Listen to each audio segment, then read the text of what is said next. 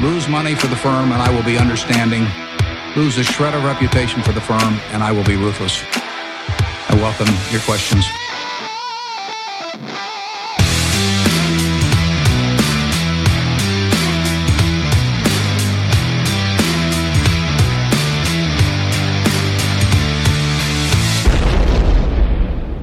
Välkomna till Kvalitetsaktiepodden. Det är jag som är Ola. Ja, och det är jag som är Klas. Eh, Det här är avsnitt nummer 14 som spelas in torsdagen den 5 april. Eh, Förra avsnittet hade ju allt man kunde önska sig. Eh, Tyvärr också om man gillar riktigt dåligt ljud. Ja, Jag är jätteledsen för det här och som lite känslomässigt avstängd svensk som inte har blivit bättre den här riktigt långa kalla vintern så är det lite svårt att få fram hur, hur innerligt ledsna jag och Ola är för det här. Så vi tänkte istället låta den här killen prata för oss.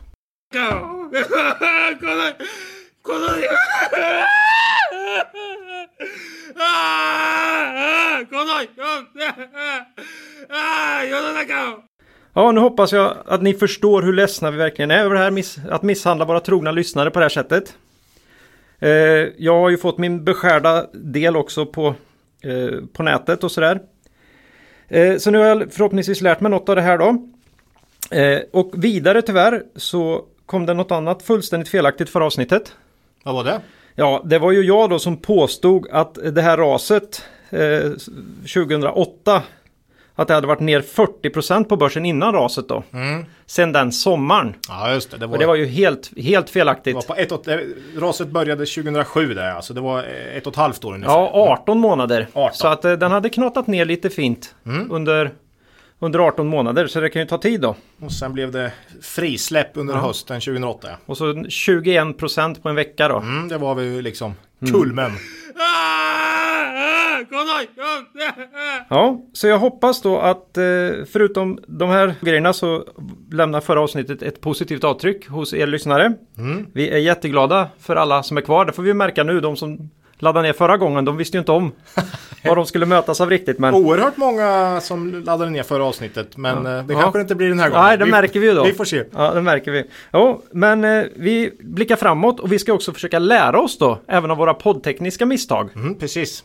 Mycket bra. Ja, och det är ju lämpligt då eftersom den här gången, Mm, ja, det blir en kanonövergång här till dagens fråga faktiskt. Och det handlar ju om eh, dåliga affärer. Den frågan har jag fått från flera lyssnare. Eh, vilka dåliga affärer har du gjort? Har du gjort några dåliga aktieaffärer? Och, och så. Så att där ska jag försöka gå tillbaks i min historia och gå igenom dåliga affärer och kategorisera dem liksom. Klumpa ihop dem och försöka dra slutsatser så att ni slipper göra om de misstag jag har gjort och sådär. Så att eh, det, det är ju en, en, en övning för idag som jag hoppas blir givande. ja, vi hoppas ju på att slippa göra om dem själva också då. Ja, precis, precis. Eh, så det kan vara bra att, trycka in fingret i det såret lite grann. Ja. precis. ja, och sen förutom det här ska vi ha ett inledande snack om retail, utlovade vi förra gången. Mm, precis. Ja, massa bolag där och en branschomställning. Det, blir, det är ju mycket intressant. Ja, så det kommer ganska snart här. Och så två bolagsgenomgångar. Eh, utlovades också Inwido och Nolato. Ja. Och sen kanske vi smyger in ett citat någonstans.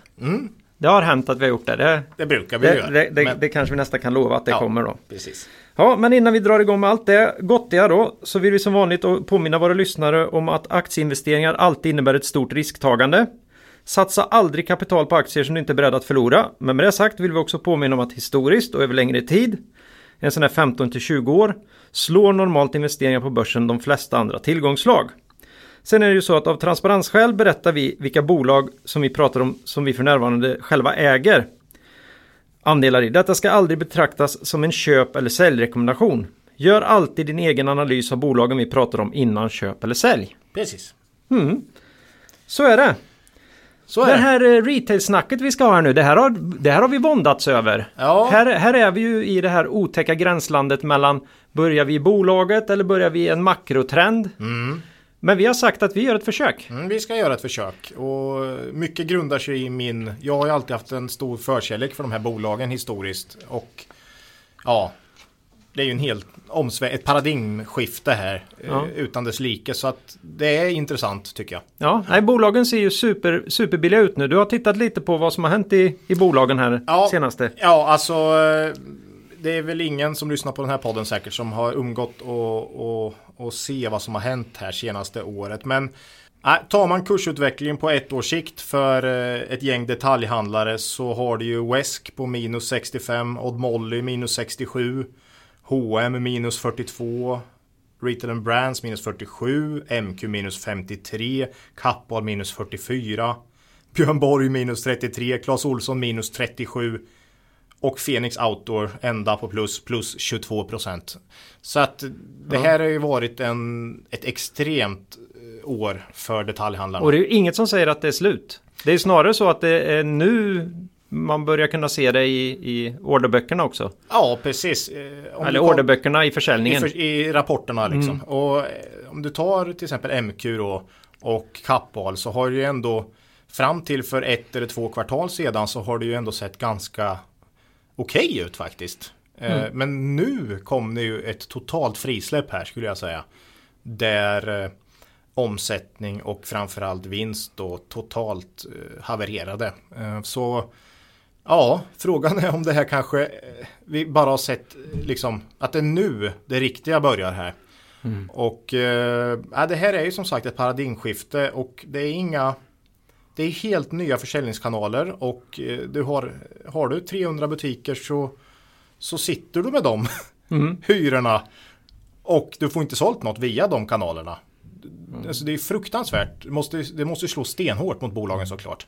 Ja, och du, och du kan inte med enkelhet flytta över din försäljning utan det är lite oklart vem får, vem får försäljningen i, i de här nya kanalerna. Ja, eh, det finns så mycket här eh, att, att eh, fundera på kring det. Men om vi utgår från vårat klassiska perspektiv som är kvalitetsbolag. Nu har vi ett antal bolag här om vi börjar titta på vår historik och så här. Det ser kanonbilligt ut va? Ja, det är bara att kolla på de här H&M och MQ, Kappahl. Man tycker att ja men de har tappat lite men även om de gör eh, betydligt mindre vinst än vad de har gjort historiskt så är det ju jätteprisvärt här Ja, nu. liksom. Olsson med. Det är ju det är så låga.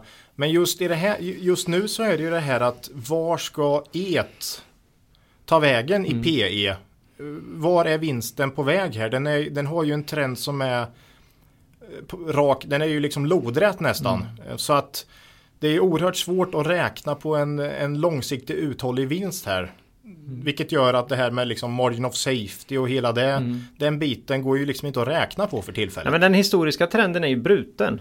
Ja, Rejält. Det är här är ju inte bara en liten, en liten knyck att plötsligt f- börjar man betala lite bättre för de som syr kläderna och sånt där. Vilket man historiskt ändå kanske inte har gjort. Men vi säger att det är sådana klassiska eh, fundamentala förändringar eller tygpriset Mm. har gått upp här. Så nu, nu blir det tuffare och vi måste ha en omställning och alla kommer då höja sina priser på sikt och så här. Utan det här är något helt det här, det här är verkligen ett hack. Det är ett, det är ett paradigmskifte som jag sa. Alltså det, är o, det här har ju också varit, många av de här bolagen har ju varit börsens kelgrisar ska man komma ihåg. H&M, Clas Olsson har ju PE på 20 under ja, lång, lång, lång tid. Och helt plötsligt då så, så blir det liksom, ingen vill ta i aktierna med tång va. Ehm, och ja, jag, jag tycker det, det här är intressant ur många aspekter här. Vi har ju dels det här man måste fundera på, det är inga, inga nya slutvaror egentligen. Det är inte facit i Åtvidaberg. Det här med, de hade mekaniska räkneverk och så kom det de digitala eh, miniräknarna från Japan och slog ut dem på två år. Det är inte det, utan det är bara det är samma slutvara. Det är bara det att man säljer det via andra kanaler. Eh, så här måste man fundera på vilka produkter är lämpliga för online.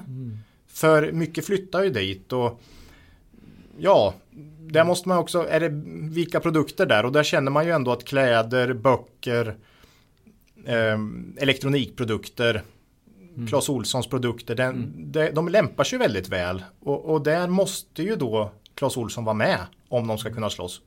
Alltså man måste fundera, gå tillbaka till sig själv men också kan man ju kolla på statistik och där ser man ju att kläder, elektronikprodukter och böcker är sånt som säljer väldigt bra. Hyggligt små produkter, inte för tunga, inte för värdefulla. Ja. Le leksaker har inte kommit så långt som man skulle kunna tro men det kommer ju garanterat. Ja, Varför åka till affären och köpa ett brädspel om du vet vilket brädspel du vill ha? När Precis. du bara kan få det jämfört från fem olika. Vem är billigast? Du, mm. hur ofta behöver du det den dagen liksom? nej. Eller är det det att det är när man går med ungen i affären, Affären och som- så skriker de och eh, man är svag. Jag vet inte. Ja, men det, det, då kan man tänka sig när handlar vi som mest? Ja, men det är ju typiskt julhandeln. Mm. Precis. Eller när du ska handla till födelsedagar, då går du ju Nej, Då, då tar du ju reda på vad finns det för eh, önskningar. Men det är klart att eh, barnet upptäcker ju sitt behov kanske när det går i affären vid ett annat tillfälle. Så det där är lite spännande. Mm. Eh, Nej, precis. Så att, men det är väl den typen av produkter. Man kanske kan fundera på dyrare produkter kanske man inte vill skicka via, via nätet. Eh, Det finns ju Ja, för man, sig... man blir osäker liksom om det försvinner. Är det säkert att jag är, safe då? Eller? Ja, ja, så det finns väl något. Mm. Men, men du, här har du i alla fall en, en tydlig trend att den här typen av produkter eh, blir mer och mer eh, sålda på nätet. Och Mm. Du ser ju hur snabbt Zalando, Boost och de här Sportamore växer. Mm. Alla online-handlare växer ju extremt snabbt, men i stort sett utan lönsamhet. Ja, för här har vi ju den andra stora grejen. Här har vi hela Spotify Mm. eh, grejen att det, du behöver inte göra någon vinst. Nej, Det är, I framtiden så det är ju det här med förväntningar. Mm. Och liksom en hel bransch går in i någon slags förväntansläge. Mm. Och tittar vi till Spotify och omdistributionen av, av musik då kan vi säga. Mm. Så är det ju bara konsumenten som är vinnaren så här långt. ja, Det har ju blivit superbilligt att konsumera all världens... Ja det är ju sjukt egentligen. 150 spänn för ett familjeabonnemang. Jag köpte ju för 10-15 år sedan skivor. En skiva kostade förresten 150 spänn. Mm. Ungefär. En skiva. Ja, ja. Eh, och jag kanske köpte fem, fyra skivor i månaden. En i veckan. ja det var ju en substantiell del när man Nej, var liksom, student. det var jag, jag la ju mycket, alltså Mm. nu får jag all världens musik för 150 spänn för hela min familj. Någonstans här är det ju någon som inte får betalt rätt mängd pengar liksom. Och det är väl artisterna Ja, eller då. så fanns det marginaler för som helt, är helt borta nu. Ja, precis. Men om ett bra exempel med Spotify förresten, för här är ju slutkonsumenten som är den stora vinnaren, Mm. såklart. Definitivt. Men det känns ju som att, eh, i och med att de här e-handlarna, eh, Zalando, Zalando tjänar i och för sig lite, men det är väldigt låga rörelsemarginaler. Eh, men Boost och, tjänar inga pengar. Sportamore. De tar jättesnabb omsättning här men de tjänar inga pengar. Så det är precis samma sak. Ska de kunna slå över till vinst någon gång och vad blir då vinsten? Jag menar kläder känns som att det aldrig har varit billigare än när du nu går ut och söker på olika produkter du vill ha och dessutom får du fri frakt och retur. Ja men du är inne på ett sätt är du inne och kollar på, särskilt om du går på lite märkeskläder och sådär. Du är ju inne i alla affärer och kollar samtidigt på samma vara. Precis. Det är inte konstigt när du ska köpa en bok. Nej. Eller, Och Det- du, och du gör, det, liksom. du Det gör det blir- utan att behöva ta dig till nästa bokhandel. Utan du, har, du får allt uppradat i en lång lista och sen klickar du på det billigaste bara. Mm. Eh, ja, än så länge är det ju solklart så att man ser att konsumenten är vinnare även här. I, i det här racet liksom. Eh, och frågan är hur man ska ta, ta sig ur det. I, I Sverige har vi haft det lokala kriget mellan Mediamarkt och Elgiganten ja. Elgiganten där ingen tjänar pengar på den marknaden och alla sa att ja nu ska vi se vem som vinner. Tio år Mm, tio inne år sedan. den. Ja. Nej, så det kan mycket väl vara tio år bort också. Men man ska också komma ihåg att vi är i en tid där pengar är väldigt billigt. Och så länge pengar är billigt så kan man ju köpa sig tillväxt utan att göra resultat. Men någon gång i en annan typ av klimat, högre räntor, du kan få, du kan få ränta på ditt sparkonto etc. Så kanske inte pengar blir så billigt och Boost och de här får inte de här kapitalet som behövs för att driva på tillväxten framåt. För det är ju extrema marknadsföringskostnader de lägger för att ta sina ande- marknadsandelar liksom. Ja det, det ser vi ju även i andra Mathem har vi haft samma, Precis. samma sak. Kommer de kunna bryta igenom till vinst? Mm. Eller, eller finns det något slags mot, motstånd där där de he, Ja. hela tiden måste öka lite lite mer på Precis, så att eh, marknadsföringskontot? ja, det här är, men än så länge är det såklart tycker jag. Konsumenten är den stora vinnaren och det kan ta lång tid innan liksom det här kriget lägger sig. Mm. Det, det är väl så man känner nu. Och jag skulle absolut inte investera i Boost eller Zalando för att jag, eller liksom Amazon ska dra igång med klädhandel här snart och liksom vart, liksom det finns inget, jag, jag, jag ser inget investeringsobjekt vare sig i onlinehandlarna men även inte i de klassiska retailbolagen heller eftersom att du inte vet vad vinsten tar vägen.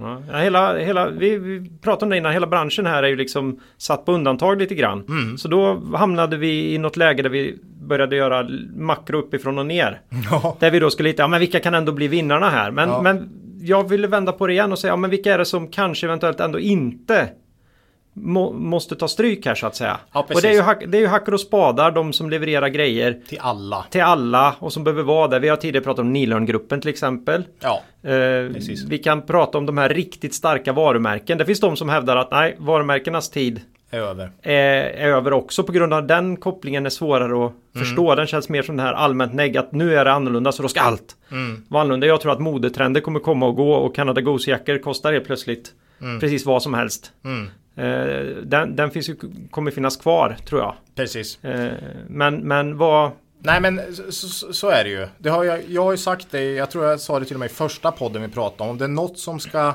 klara sig här. Eh, som kan liksom stå emot så är det ju starka varumärken. Eh, typ Fjällräven då som vi pratade om då. Eh, Phoenix Outdoor alltså. Och som vi också har tagit ut i våran buy and hold portfölj. Och de kan säkert stå emot. De kan säljas vart som helst, alla kanaler. Björn Borg har vi satt som ett starkt varumärke. Och Ja, ett prisvärt. ett prismärkt starkt varumärke. starkt varumärke. Och Molly är ju jättekraftigt ner. Så att alla varumärken kommer kanske inte klara sig. Wesk är ju ner hiss, alltså de har ju Mm. totalhavererat. Så att det är inte säkert att, ah, det är självklart inte så att alla varumärken kommer klara Mm. sig. Men där har du i alla fall eh, starka varumärken som kan säljas både online och i butik. Liksom. Mm. Eh, De, de, de, de som på pappret ser ut att få det tuffast är ju just MQ Kappahl och den typen av butiker som inte har några starka varumärken och inte är jättestarka online. De har butiker och säljer andras varor och egna no-name brands. Ja. Så eh, ja, det är väl starka varumärken och eh, hackar och spadar liksom. Det är väl det man kan våga nu. Men någon gång kommer det säkert komma en tid. Men som sagt, tar det ett år, tar det tre år, tar det tio år. Men, men någon gång kommer det säkert komma en tid då man känner att Oj, ja, det trodde jag inte, men eh, MQ Klar, de, de, de blev faktiskt vinnare här av någon anledning. Men, men då måste du ju se det i deras resultaträkning först. Okej, då kanske aktien är upp 100% men har gått ner 90% först så är 100% inte så mycket upp sen va. Så att, eh, ja det är ju liksom hold tycker jag på hela sektorn här. Nej men hela våran, vi använder ju historik för att se finns det moats, alltså finns det vallgravar och sådär. För det är så jätte, jättesvårt att se, se dem heads up. Och är de lätt, lätta att se så ser alla andra dem också. Oftast liksom. Och, så nu behöver man nästan börja om lite grann. Tyvärr nu har det varit en så stor eh, skakning här att och den fortsätter. Så nu, nu behöver vi ny data. Vi måste verkligen inte bara se vändningen utan vi måste också se att det är hållbart. Och Det att, har, precis. man har företagsledningar som har idéer. Man kanske måste ja, hitta smalare segment där man hittar kundgrupper som har andra, andra behov och andra tänk och sådär liksom. Precis.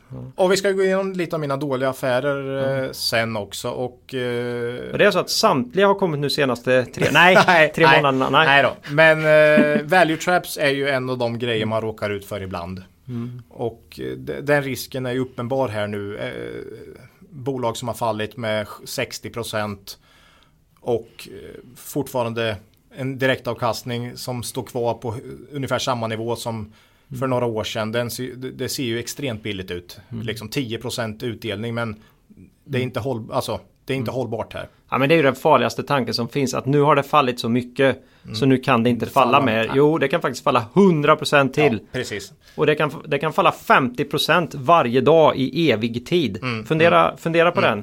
Det är, det är väl hur många, hur många nollor man tillåter efter kommat på handelsplatsen i och för sig. Men Ja. alltså så är det ju. Så är det. Så är det. Det är lätt att glömma bort det. Och satsar du då 10 000 så är det 50% på det. Då är 5 000 bort så att säga. Det, Ja, precis. Nej, så att eh, det är uppenbar risk för value traps här i många av de här bolagen. Och det kommer nog ta tid innan man ser vilka som blir vinnarna här.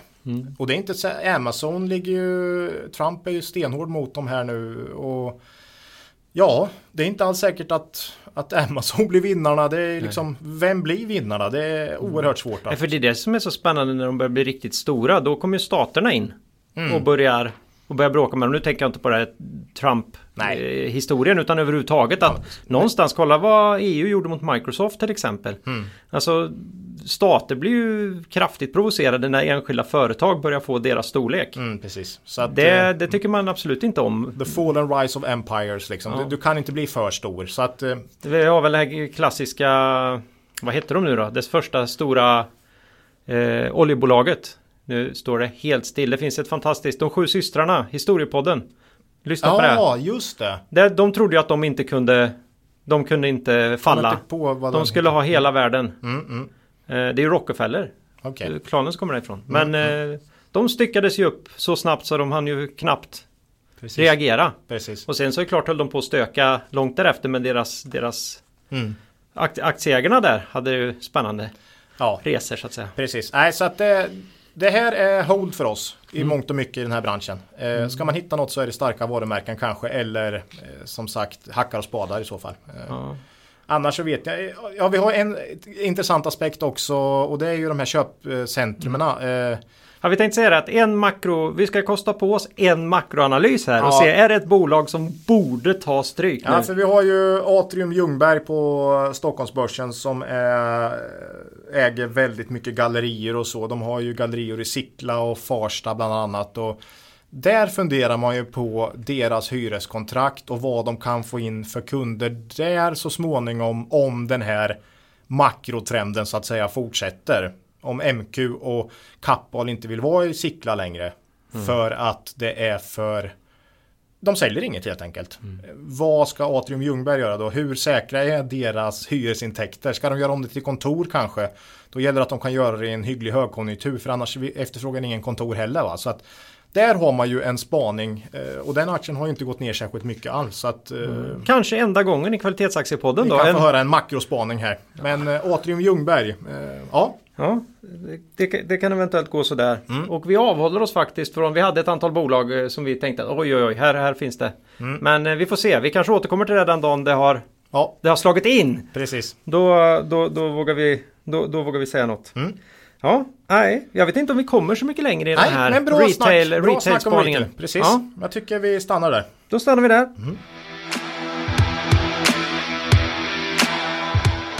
Ja, raskt in i den mer traditionella bolagsdelen här då.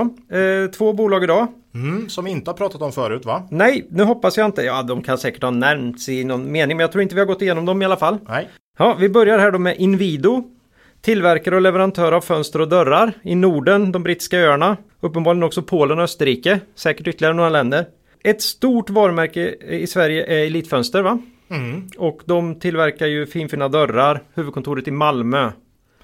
Precis. Det är mycket större bolag än vad jag hade förstått. Ja, det är stort. Eh, Båda bolagen vi ska prata om här, eh, Inwido och Nolato, är ju midcap-bolag. Nolato är ju faktiskt kvalificerat för large cap till och med såg jag nu. Eh, 15 miljarder i börsvärde faktiskt. Så att eh, ja, det är två midcap-bolag än så länge. Eh, Och relativt stora då faktiskt. Eh, Inwido är ju ett välskött bolag.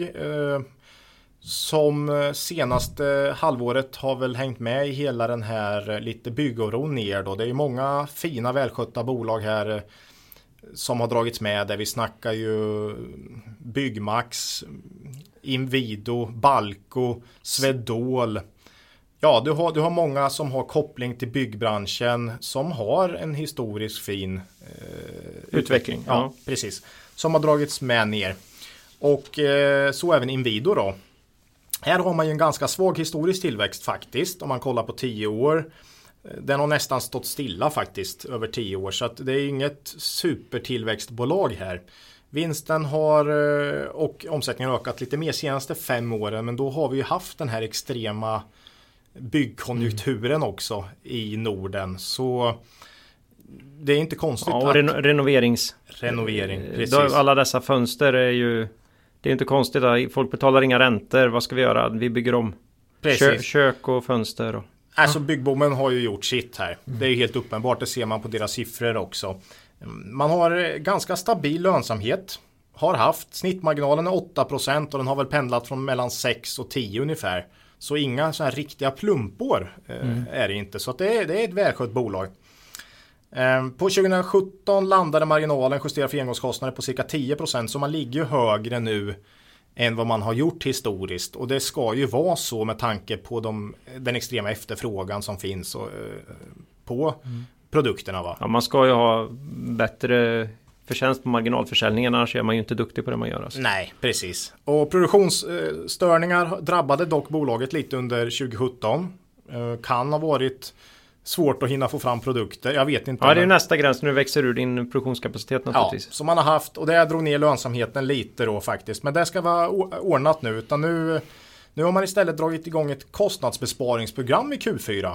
Och det flaggar ju lite om eh, Någon att slags man- medvetenhet. Ja, lite så faktiskt. Man kanske ser här att eh, för vinsterna har faktiskt eh, minskat tre kvartal i rad här nu. Så att Inwido kanske har sett början på någon, någon nedgång här. Faktiskt. Och eh, så att man har dragit igång kostnadsbesparingsprogram. Eh, så, och det inleddes då i Q4 och kommer säkert pågå nu under ett tag och man ska spara pengar helt enkelt. Eh, det är lite tuffare nu. Orderingången var i princip flat i Q4 och Q1 nu kommer jämföras med det starkaste Q1 i bolagets historia så att det ser Trenden är inte jättebra för tillfället i Inwido om man kollar på deras räkenskaper. Jag uppskattar P E till 12 ungefär kanske på en prognostiserad vinst för 2018 men det är svårt nu med tanke på att man har tappat vinst ett tag här i några kvartal. Det finns inget kött och blod i ägarlistan. Det är ju alltid ett minus. Det är institutioner där som ligger och äger det mesta. Man har en relativt svag balansräkning. Två gånger ebitda är nettoskulden. Och eh, man har mycket goodwill.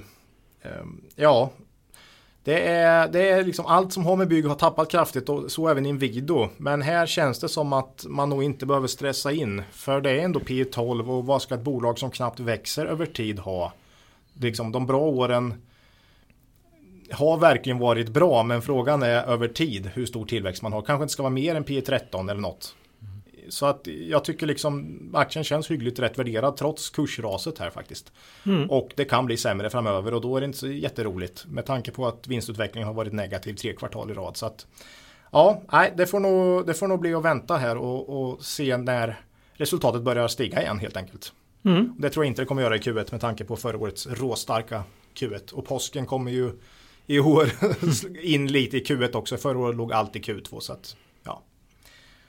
Det är nog lite hole där helt enkelt. Ja, vi får, eh, får se. Hur, Men vi får säkert chans att återkomma till Inwido. Det är ju ett fint bolag är det ju. Definitivt. Ett kvalitetsbolag. det, det gillar vi ju. Nej, det, det är ju också svårt när de börjar bli så väldigt stora. Mm, Det är ju inte lätt att liksom Ja, vi, vi, bara hitta nya marknader som springer iväg utan då börjar det bli ganska små Mm. eh, små delar av bolaget så att säga.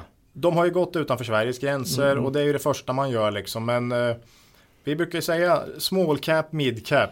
Där har du bra case. Men när du börjar närma dig gränsen för large cap. Där någonstans börjar det bli svårt att hitta tillväxt faktiskt. Eh, snabb tillväxt i alla fall. Så ja. Och, Ja. Om vi tar nästa bolag då, Nolato. Ja, det här är ju ett intressant bolag, eh, särskilt utifrån hur de värderas då. Mm. De här är proffs på plast. Eh, eller som de säger, polymera produkter. Så det är säkert, eh, ni får inte bli arga där ute, det är säkert väldigt mycket mer än Ja. det, det som en lekman som mig kallar plast. Mm, De håller på med, för det är säkert kanske inte rätt. Nej. Men de har i alla fall högkvalitativa leveranser inom allt från eh, ja, sjukvårdsprodukter och avancerade förpackningar och sen är det ja, formsprutade detaljer i, i bilar och elektronik. Mm.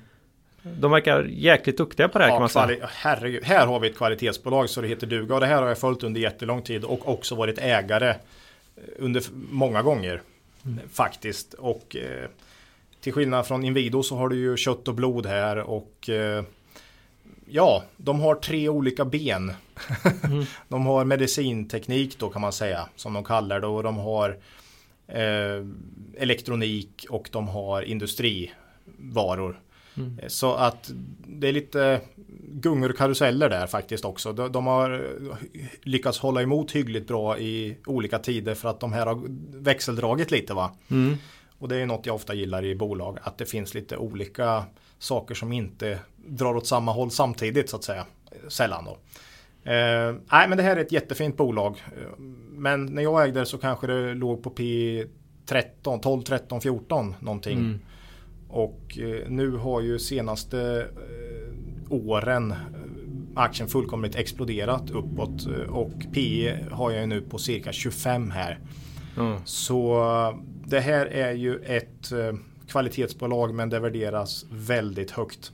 Bolaget har snittat ungefär drygt 10% i årlig tillväxt oavsett om man kollar på 10 eller 5 år.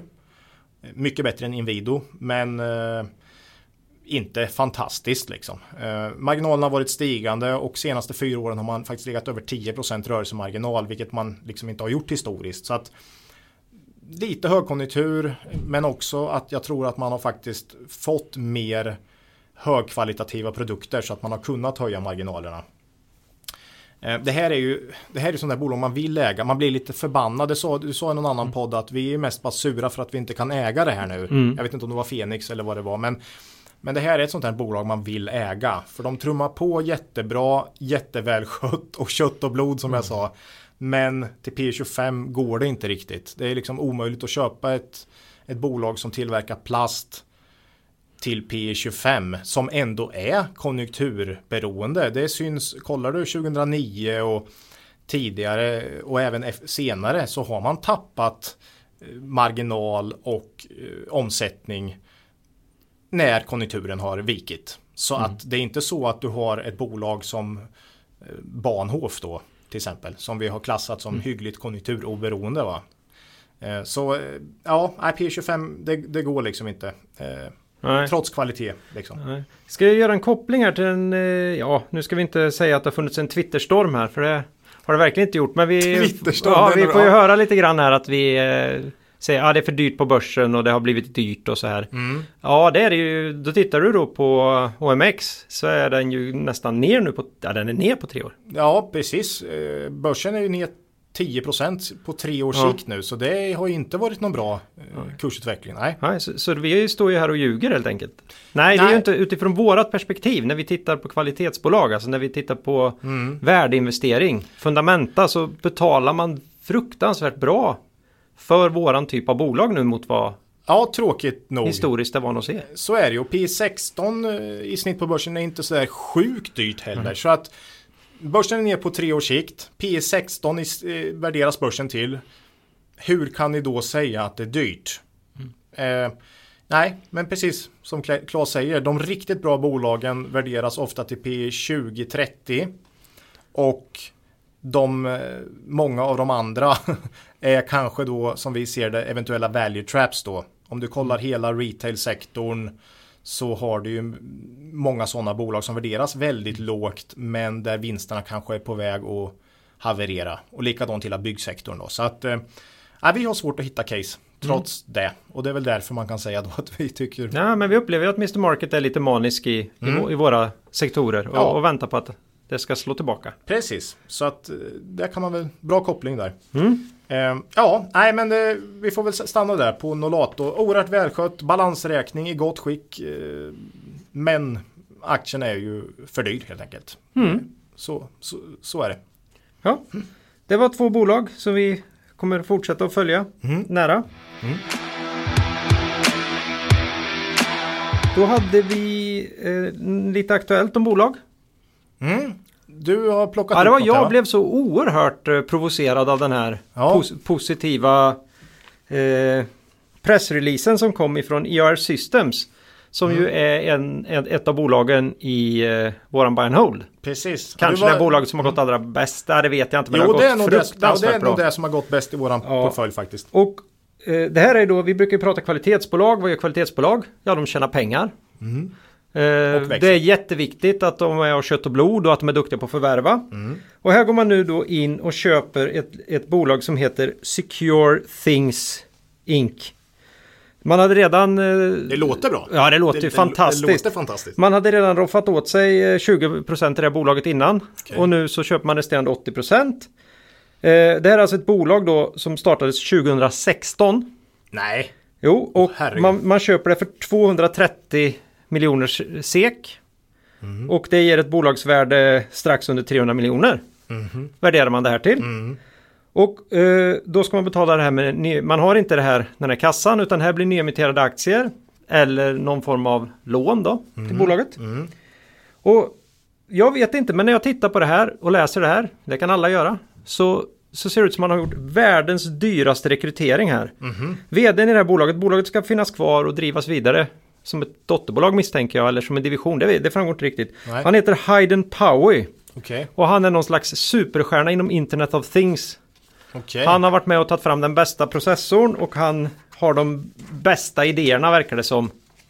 Eh, inom säkerhet då som behövs. Internet of Things är ju våra uppkopplade småprylar runt omkring oss som är Hett buzzword. Ja det är väldigt hett. ja. ja.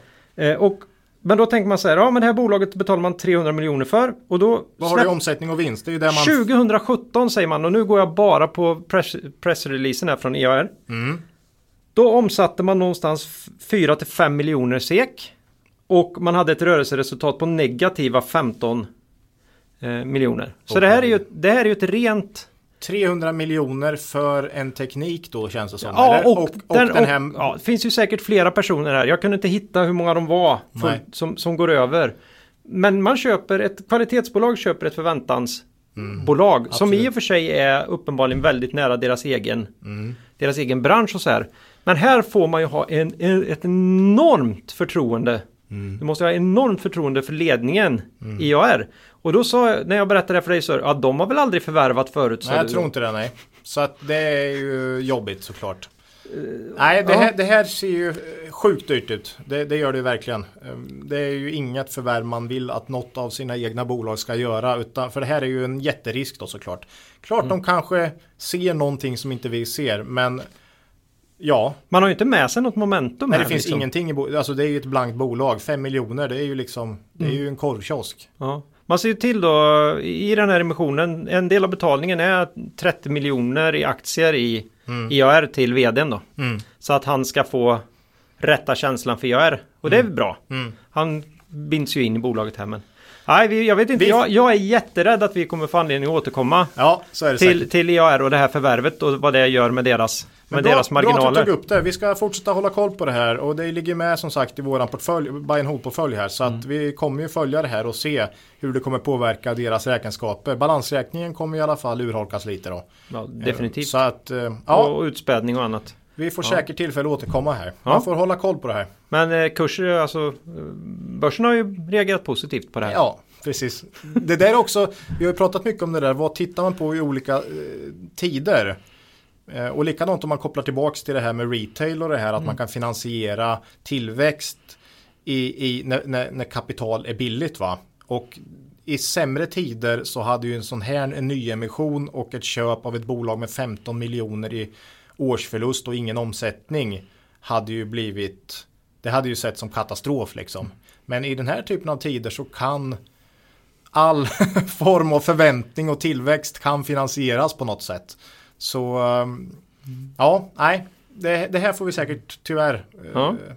Eller ja, vi, hoppas, vi kan säga så här, hoppas de bevisar eh, att vi har fel här. Att det här Jag att är det väl också något- ett av de här bolagen vi har tagit upp om bolag som inte förstår vad de gör. Ja, inte, på, inte på riktigt. Nej, precis. Ja. Ja, Nej, så att eh, de får väl slå oss rejält på fingrarna här nu helt ja enkelt. vi får se. Ja. Men det ser ut Vi som en vi väldigt hå- dålig affär. Mm. Vi håller tummarna. Och med Ja. tanke på dåliga affärer. Precis. Var det så du tänkte? Ja, det var ju Ja, det. ja. Det var det. Den skulle ju du få ta. Nej, nej, nej. Ta den du, ta den du. Ja. Nej, med tanke på dåliga affärer så har ju vi fått in en, eh, eller flera, från flera lyssnare faktiskt, som har undrat eh, om mina sämre affärer. Vi har ju även varit ute och tagit eh, en öl med några lyssnare här i Linköping. De hade också den, eh, den funderingen. Och jag släppte inte på mycket då utan sparade ihop allt till, till just den här podden då. Eh, och dåliga affärer, har man aldrig gjort dåliga affärer då har man ju inte varit på börsen. Du, alltså för, att, för att tar du risk så kommer du göra Ja. dåliga affärer. Det är ju liksom, det är omöjligt annars. Ja, det är ju en risk att vara på börsen. Det är- Va, ja, helt enkelt att vara precis, på börsen precis. innebär en risk jämfört med att Mm. ha pengarna i madrassen. Och, ja, då riskerar du i och för sig fruktansvärd inflation. Då. Ja, har har du inte gjort dåliga affärer så har du ju hittat den här boken som man gör i Tillbaka till framtiden va? Där han kan se alla sportresultat i Alltså Det är ju en fusk då på något sätt. För att du måste göra dåliga affärer. Det, är liksom, det, det tillhör spelet på något Mm. Ja. sätt. Vi brukar ju säga det och det stämmer säkert inte alls men för att få rätt känsla när vi gör affärer så utgå från att du aldrig kan veta mer än 15% Ungefär. av, av, av det som den som är mest insatt som sitter på bolaget kan veta om bolagets framtid. Ja. Det, det är rimligt att anta annars är det någon som läcker insiderinformation och det är aldrig ja, bra. Liksom. Eller åtminstone 15% av bolagets framtida ti- för det finns så många osäkerhetsfaktorer som inte ens bolagsledningen kan Mm. veta. Och dessutom har du ju ett informationsundertag. Va? Mm. Så du kommer göra misstag, så är det bara. Ja visst, om du, om du börjar öka det till lite, lite längre sikt, ja Mm. då sitter ju både vi och företagsledningen ibland. Ja, ja, helt. Eh, Alltså, så kan vi återkoppla till den här retail-diskussionen Ja. vi hade innan. MQs ledning för tio år sedan hade ju ingen aning om det här såklart. Det Kanske liksom- inte för tre år sedan. Här. Nej, precis. Det är inte längre än tre år sedan du Mm. behöver egentligen. Eh, Nej, men jag har försökt klumpa ihop här. Mm. Men jag pratar på här för jag utgår från att du inte har gjort några dåliga affärer så att vi ska... Eh, jo då, jag har hållit på som sagt i 15-20 år här så att man har ju skrapat ihop en hel del. Jag har försökt klumpa ihop lite olika här. Eh, vad som karaktäriserar de dåliga affärerna. Eh, och om vi börjar då med nästan det vanligaste för mig så är det den här typen av, det är ju value traps som vi har pratat om förut. Och i år så har vi ett exempel, min enda riktigt dåliga affär i år i Net Entertainment då. Och eh, det var ju ett typiskt sånt bolag som där liksom momentum och framförallt E, earnings, är på väg ner. Och eh, du förstår inte riktigt kraften i nedgången och säger att det här ser ju billigt ut när du kollar på vinst med normala vinster från bolaget. Men då har du inte tagit med en, en kraft i deras vinstminskning som är rätt va?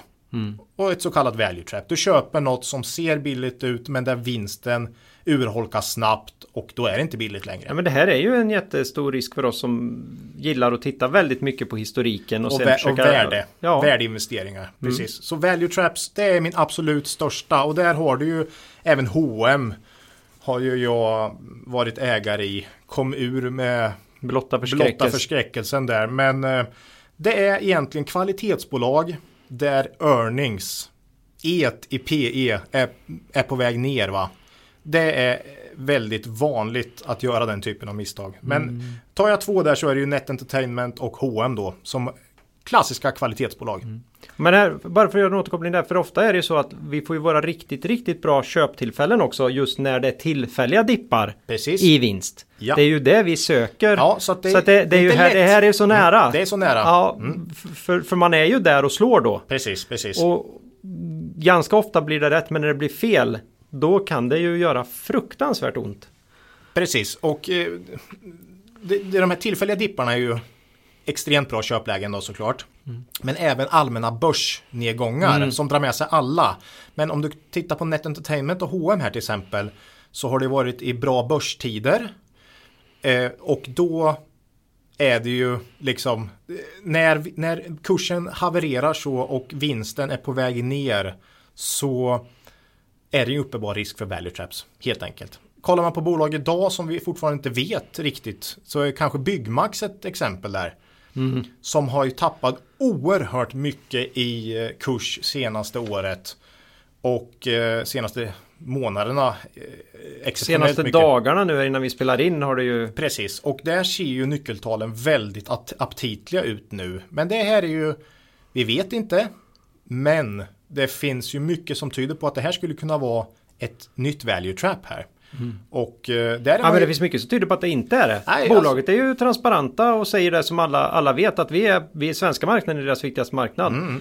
Q1 katastrof vädermässigt för oss. Ja, precis. Det kan vara helt sant. Kan vara helt sant. Eh, Skånska byggvaror, katastrof, men där har man ju tagit mycket av skiten känns det som. Så att här är man ju sugen, men här är det ju, här, här, här går jag tillbaks till mig själv och min historik och känner att jag måste, här vågar inte jag köpa nu, för jag vill se någon form av tecken i deras egen redovisning på att det här inte är ett value trap så att säga. Och då kan jag ta att aktien är upp 20% från botten eller 30%. Det kommer ändå se billigt ut om det inte är ett value trap så att säga. Mm. Nej, det gäller att vara lite kall och lå- låta dem bevisa sig och inte jaga botten. Precis. Inte, det finns inget egenvärde i att, att hitta botten. Du kommer aldrig hitta botten. Nej. Och många, eh, alltså, man får ju ofta frågan, ja men du hade ju Byggmax på 60 spänn. Jag var ju ägare i Byggmax från 60 till 80 spänn för några år sedan och sådär. Men nu då? Nu står den ju 35. Varför köper du inte nu? Ja men det, det, liksom, det är en annan tid nu. Då hade du en tillväxt på 15-20% och stigande marginaler. Nu har du fallande omsättning och sjunkande marginaler.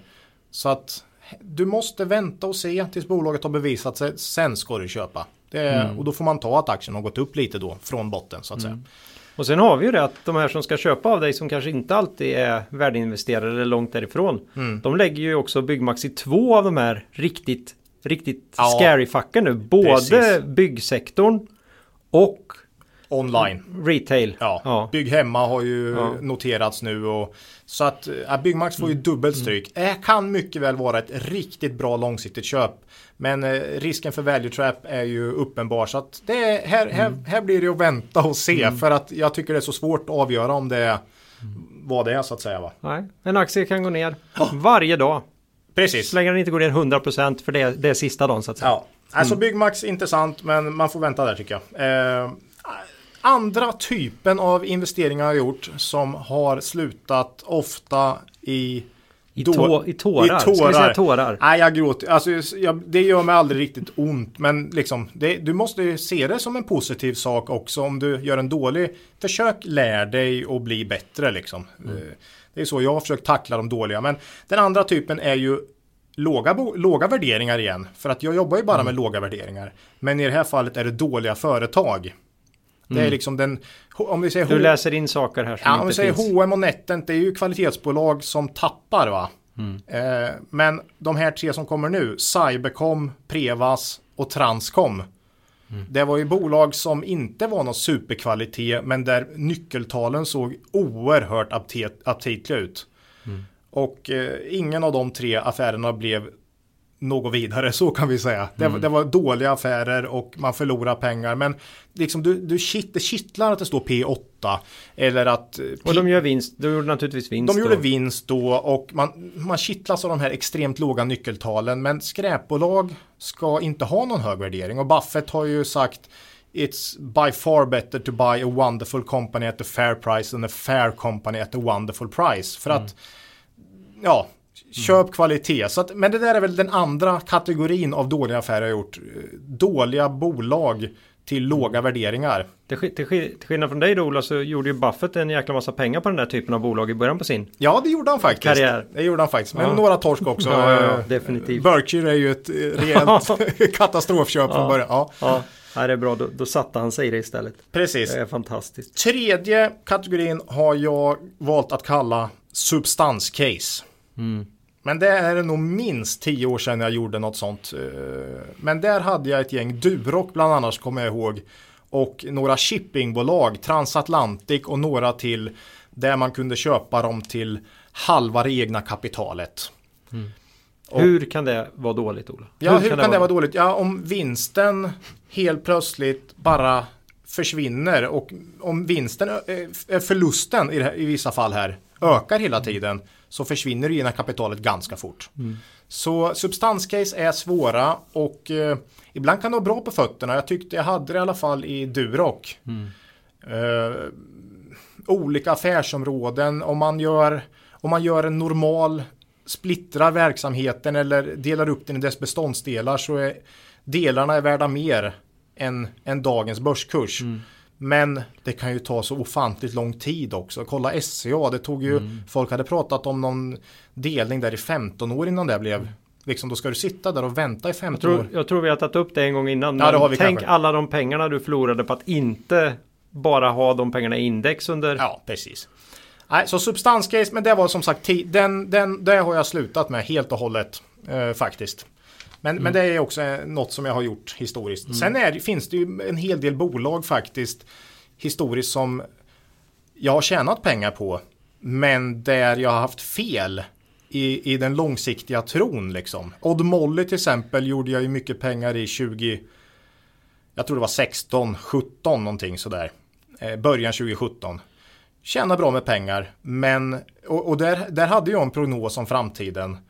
Men Som som, blev fel. fullständigt fel. Den var, det liksom, det bolaget har ju tappat något fruktansvärt liksom, sen jag sålde.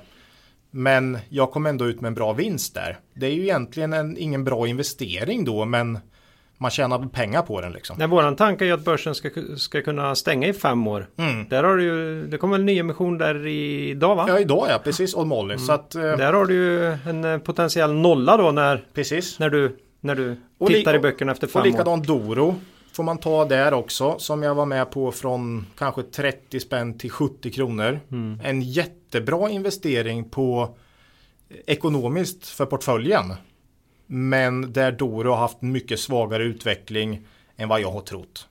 Så ja, är det en bra investering om man inte har rätt i fundamenta? Vi tycker inte det. Även om du tjänar pengar så att säga så har du ju haft fel. Va? Så att, eh, Ja, Och det ger ju också glädjen att kunna säga att vi har gjort rätt investeringar även när marknaden inte om bolaget levererar som vi har tänkt men marknaden skiter i det då, då gråter vi inte i slutet på dagen. Nej, utan då är man ju kvar som ägare och väntar helt enkelt. Och eh, då är jag nöjd. Eh, Och jag tror jag har sagt det någon gång tidigare. Alltså just sälj.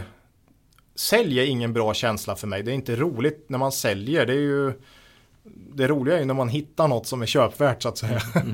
Sen får ju framtiden utvisa om det är ett value trap eller om det är ett bra köp. va. Ja, nej men Ja. Där, har, där har vi lite, lite dåliga affärer och vad man kanske bör se upp med. Value traps är väl Värdeinvesterarens stora, stora, risk. Det är den stora eh, faran för värdeinvesterare skulle jag säga. Eh, måste man ha på fötterna. Och särskilt i det här klimatet vi har haft nu då men det var väldigt väldigt länge sedan ett, ett större börsras i alla fall. Ja, precis. Det intressanta nu tycker jag är att börsen har ju inte gått så starkt som vi sa eh, faktiskt på tre år. Men eh, den har inte gått dåligt. Men senaste halvåret, året, så är det ju många mindre bolag som har gått ner ganska rejält. Alltså vissa sektor, sektorer har ju tappats fruktansvärt mycket. Så eh, ja, det är en ganska svår marknad att handla i nu. Man måste ju, man, man, man får inte ligga fel här helt enkelt. Nej men det är klart att någonstans även om vi man, man inte vill titta så mycket på makro så finns det naturligtvis en konjunkturrädsla att att vänder konjunkturen kraftigt neråt då, Mm. ja, då, då kan det ta lång tid innan man får igen Ja, sina pengar. Det handlar väl mycket om dels toppar konjunkturen då och är alternativet, det vill säga räntor på väg upp så att du helt plötsligt kan få en riskfri avkastning, vilket du inte har kunnat fått på under lång tid. Va? Ja, intressant. Mm. Nej, men vi, där fick ni lite dåliga affärer. Gör inte om det så kommer ni klara er bra. Men mm, Men lättare sagt än gjort. precis. Bra! Jaha, eh, veckans citat då. Kan finnas en liten, liten koppling till det här du pratade om precis faktiskt. Okej. Och då har vi för debut i podden här, finansmannen och filantropen George Soros. Ska säkert inte uttalas så, ja, han är väl från Ungern ursprungligen har man ju förstått nu. Eh, Men han har sagt så här i alla fall. I'm not better than the next trader, just quicker at admitting my mistakes and moving on to the next opportunity. Mm. Och det där är ju oerhört viktigt. Det är en av mina det är väl en av de saker jag uppskattar med mig själv bäst faktiskt som investerare. Att man just kan ta en, eh, en förlust eller inse när man hade fel. Och eh, då kliva av oavsett om du har tjänat eller förlorat på den affären. Och sätta pengarna i något annat. Du behöver inte, som Buffett har sagt, du behöver inte tjäna igen pengarna i samma aktier som du har förlorat dem i. Va? Oerhört viktigt. Eh, Klarar man av det där så har man vunnit jättemycket som investerare tror jag. Nej, jag har ju sett dig gå ur eh, vissa innehav extremt våldsamt när du har fått signaler som du inte kan tolka in i den bild du har av bolaget. Mm. Och när jag, när jag har frågat men var det där så långsiktigt? Ja, men jag kan ju alltid köpa tillbaka. Mm. Jag, jag kan inte hämta igen om det tappar 25% här nu. Nej, precis. Men, precis. men det, det, risken att det ska gå upp på det här är liten. Så att då kan jag alltid komma tillbaka om det visar sig att jag hade fel eller missförstått eller. Mm. Och, och ofta visar det sig som i H&M's fall att nej, här, här var det starten på någonting riktigt, Mm. riktigt tråkigt. Ofta handlar det i någon förtroendeknäck.